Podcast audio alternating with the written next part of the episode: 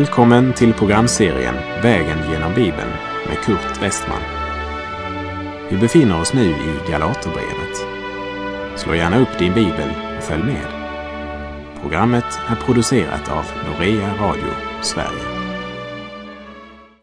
Vi avslutade förra programmet med de sista verserna i Galaterbrevet 5 som uppmanade oss att följa anden och inte söka tom ära.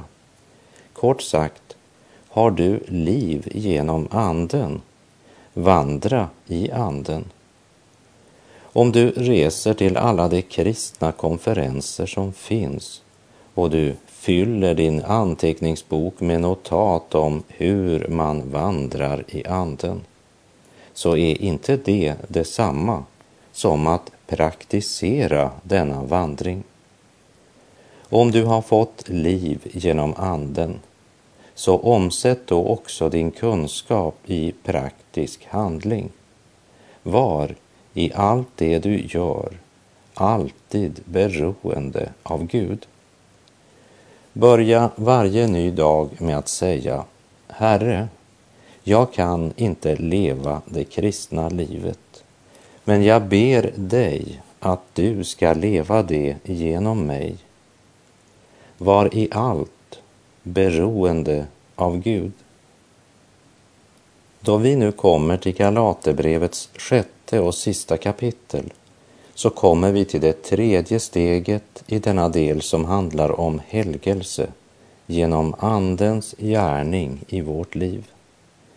Vi har sett att om vi blir frälsta genom tron men vandrar under lagen så leder det till att vi avfaller från nåden. Och vi har sett att frälsningen genom tron och en vandring i anden bär andens frukt. Att vandra i anden betyder inte att vi aldrig faller eller misslyckas. Men det är skillnad på att falla i synd och att vara syndens slav. Det är skillnad på frestelse och slaveri. Min vän, hur gick det till när du lärde dig att gå? Jag minns när vårt första barn, Kristina, tog sina första stapplande steg och hur hon misslyckades gång på gång. Men trots alla misslyckanden och ibland smärtsamma fall så lärde hon sig att gå. Och hur lärde hon det? Jo, helt enkelt genom att börja praktisera. Jag ställde inte upp henne på en hög stol och höll en föreläsning om fotens fysiska funktion. Inte heller sände jag henne till en skola för att studera ämnet att börja gå. Utan det började helt enkelt med att hon försökte sätta den ena foten framför den andra, det vill säga hon praktiserade.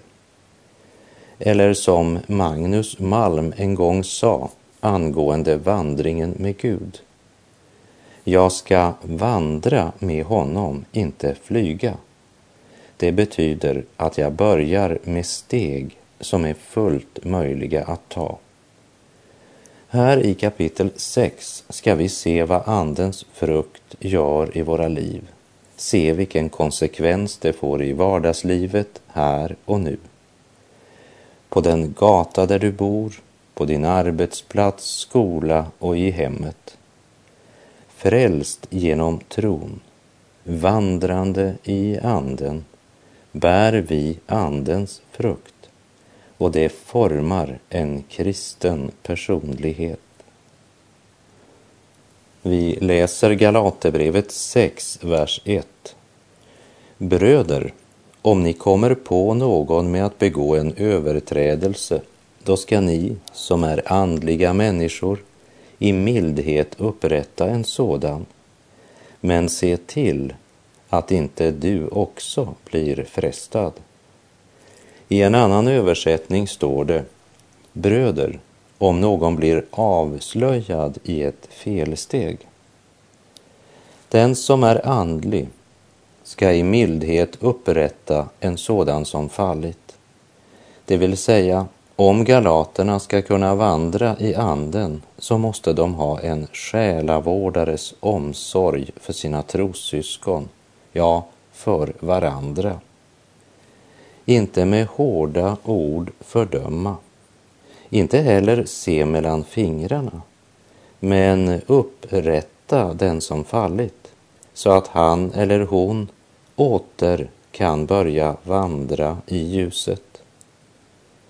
Om du ska tillrättavisa någon så är det avgörande om det är anden eller köttet som är drivkraft.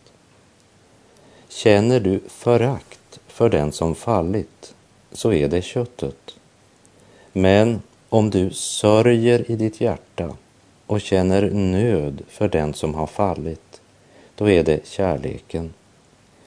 Till församlingen i Rom skrev Paulus om den kärlek som anden väcker i Romarbrevet 15.30. För som vi minns från kapitel 5 här i Galaterbrevet så är kärleken den första av andens frukter.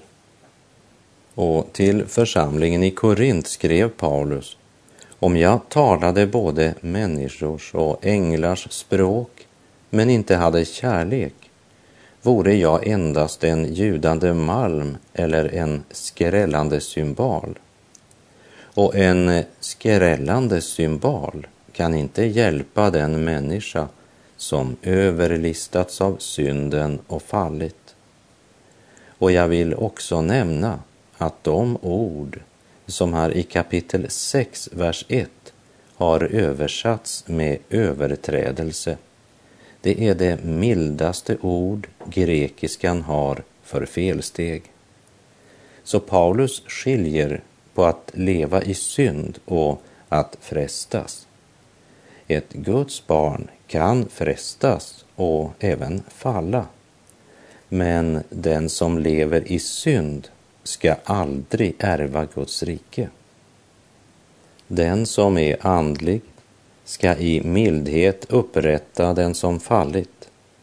Men se till att inte du också blir frestad. Det vill säga, tro inte att du är immun emot den synd du föraktar hos andra. Vi läser Galaterbrevet 6, vers 2. Bär varandras bördor, så uppfyller ni Kristi lag.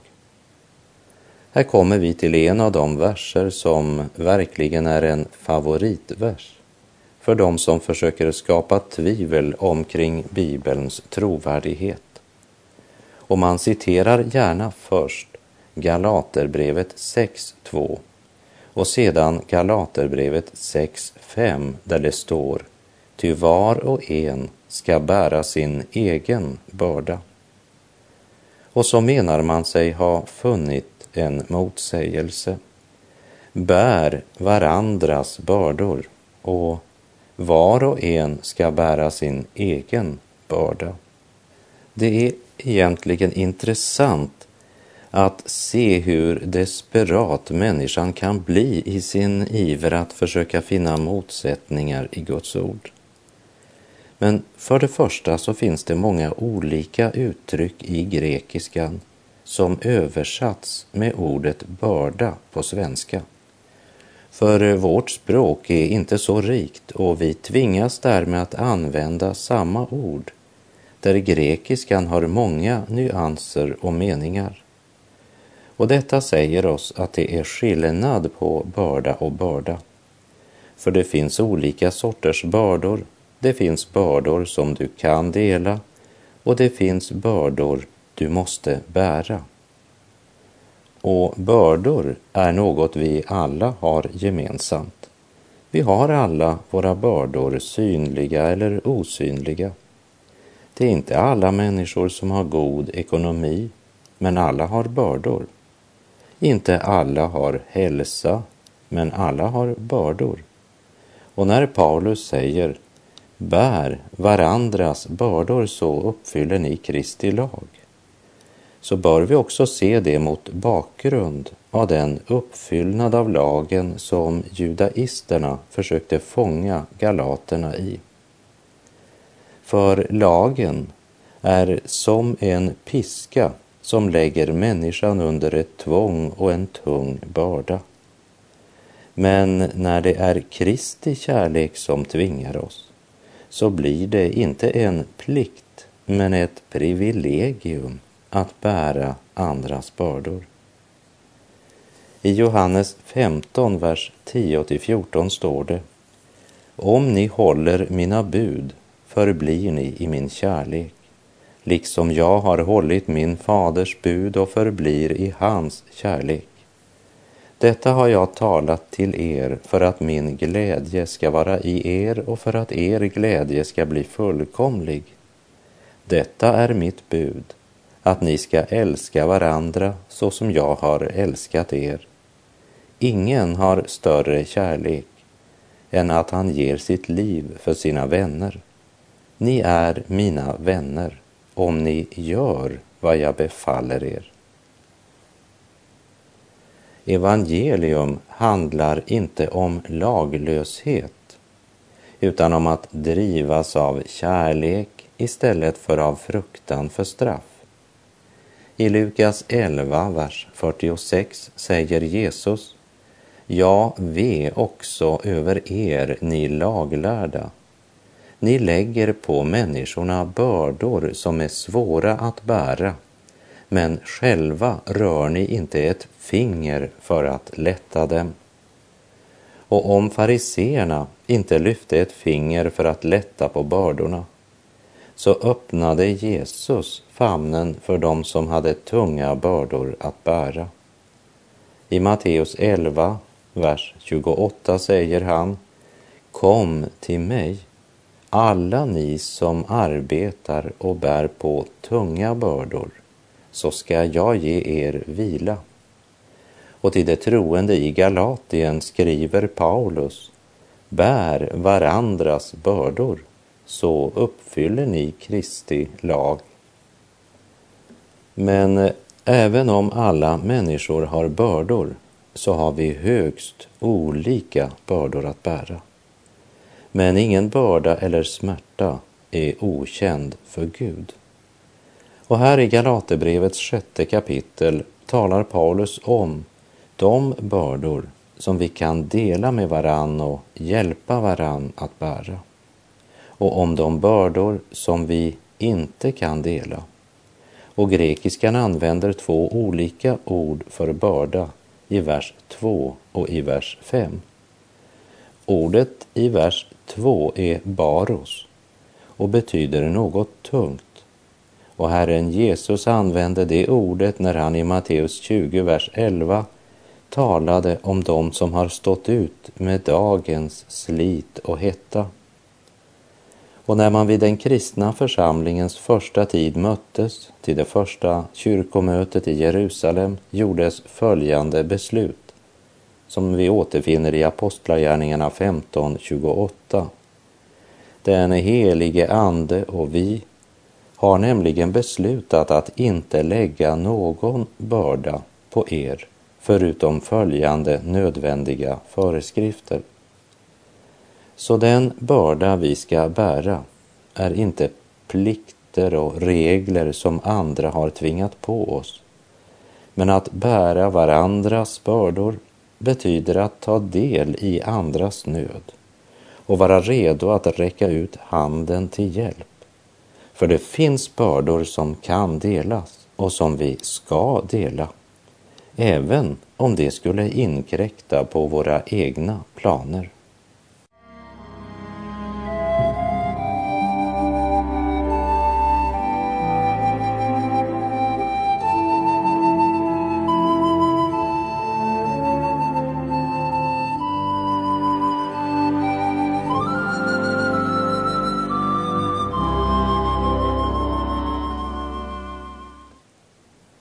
Vi läser i Galaterbrevet kapitel 6, verserna 3 och 4.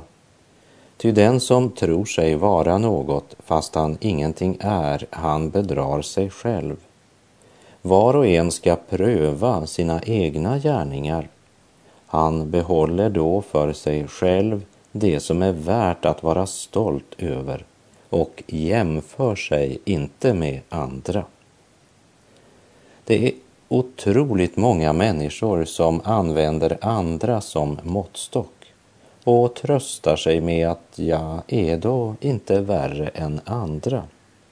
Men det är inte heller det det handlar om. Var och en ska pröva sina egna gärningar. Och hur gör man det?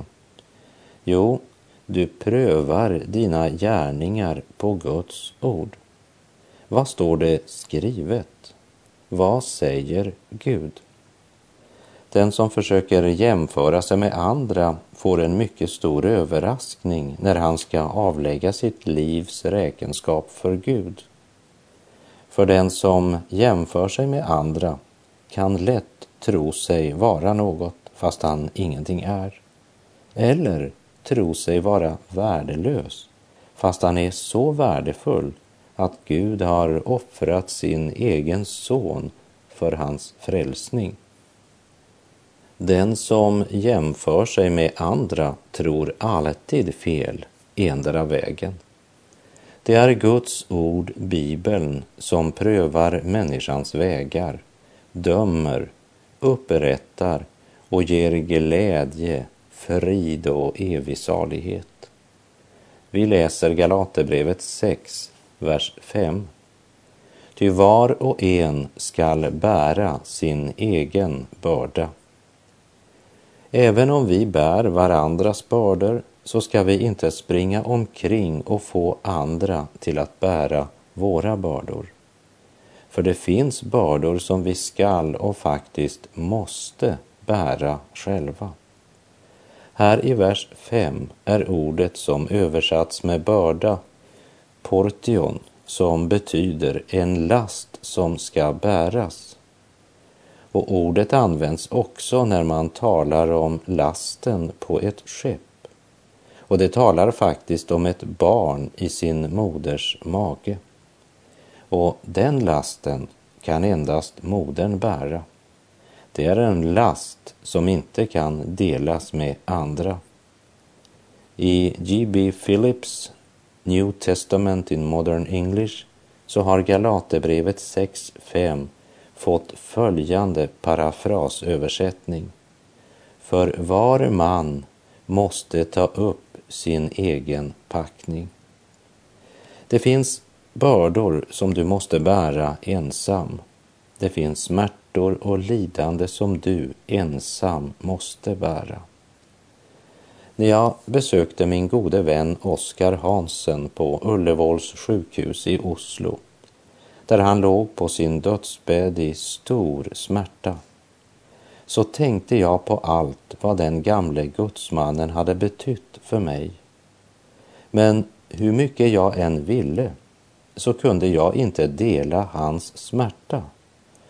Och det kunde inte hans kära hustru heller. Den smärtan måste Oskar ensam bära. På den punkten kunde ingen vara ställföreträdare. Oskar var tvungen att bära smärtan själv. Den kunde ingen annan dela. En annan smärta som vi inte kan dela är döden. Och det kommer en stund för var och en av oss då vi måste vandra genom dödsskuggans dal där ingen människa kan följa oss. Men i den 23 saltarsalmen säger David, om jag än vandrar i dödsskuggans dal fruktar jag inget ont, ty du är med mig. Vem har väl inte hört sången När du går över floden går du ensam. När du går över floden lämnas allt. Inga vänner följer dig. Och det är sant för alla som dör utan Kristus. Men den som tror på Kristus får inte heller sällskap av några jordiska vänner och inte av någon jordisk rikedom. Men den som dör i tron på Kristus går inte ensam genom dödsskuggans dal, utan kan säga som David säger om Gud, du går med mig. Men de flesta väntade med att söka Gud tills det blev för sent och måste därför gå i dödens mörka dal ensamma. Smärtan kan vi inte dela med andra människor. Döden kan vi inte dela med andra människor. Även om flera skulle dö samtidigt så är döden något ytterst personligt. Och det tredje vi inte kan dela med andra människor det är ögonblicket då vi ska avlägga räkenskap inför Gud. I Uppenbarelseboken 20, verserna 11 och 12 står det Och jag såg en stor vit tron och honom som satt på den. För hans ansikte flydde jord och himmel och det fanns ingen plats för dem. Och jag såg de döda, både stora och små, stå inför tronen och böcker öppnades och ännu en bok öppnades, Livets bok. Och de döda blev dömda efter sina gärningar, efter vad som stod skrivet i böckerna. Och i Andra Korinthierbrevet 5, vers 10 står det Ty vi måste alla träda fram inför Kristi domstol för att var och en ska få igen vad han har gjort här i livet, gott eller ont. Vi kan förtränga den tanken i hela vårt liv, men vid vägens slut kan vi inte undfly det, utan vi måste alla möta det. Och det kan vi inte dela med någon annan, ty var och en skall bära sin egen börda. I Romarbrevet 14, verserna 11 och 12 står det. Det står skrivet, så sant jag lever, säger Herren. För mig skall varje knä böja sig och varje tunga skall prisa Gud. Var och en av oss skall alltså avlägga räkenskap inför Gud. Låt oss därför inte längre döma varandra. Besluta er istället för att inte lägga något hinder i vägen för en broder så att han snubblar och faller. Eller som vi läste i Galaterbrevet 6, vers 2. Bär varandras bördor så uppfyller ni Kristi lag. Och Galaterbrevet 6, 5. Ty var och en ska bära sin egen börda.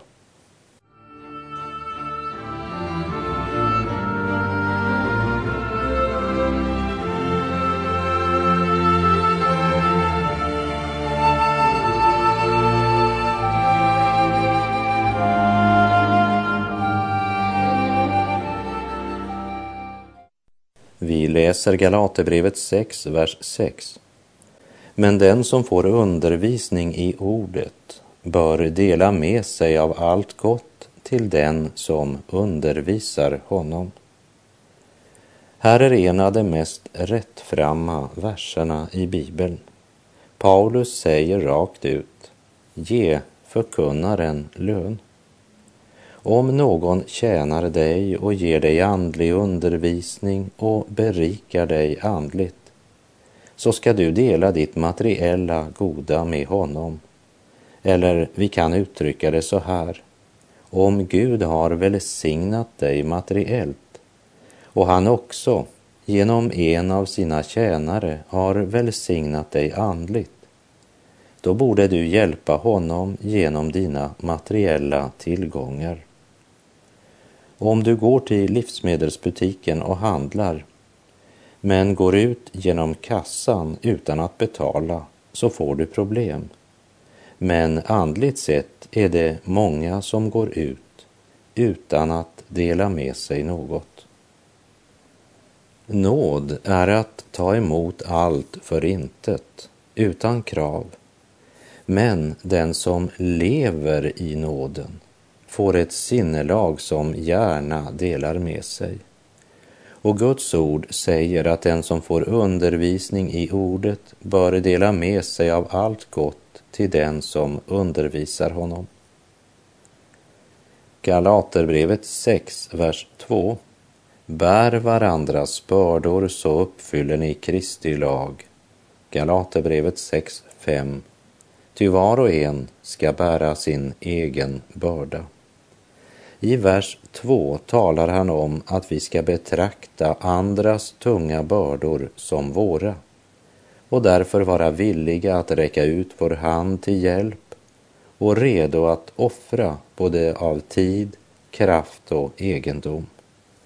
I vers 5 så säger han att när det gäller mitt liv och mina handlingar så måste jag själv stå till svars för mina synder.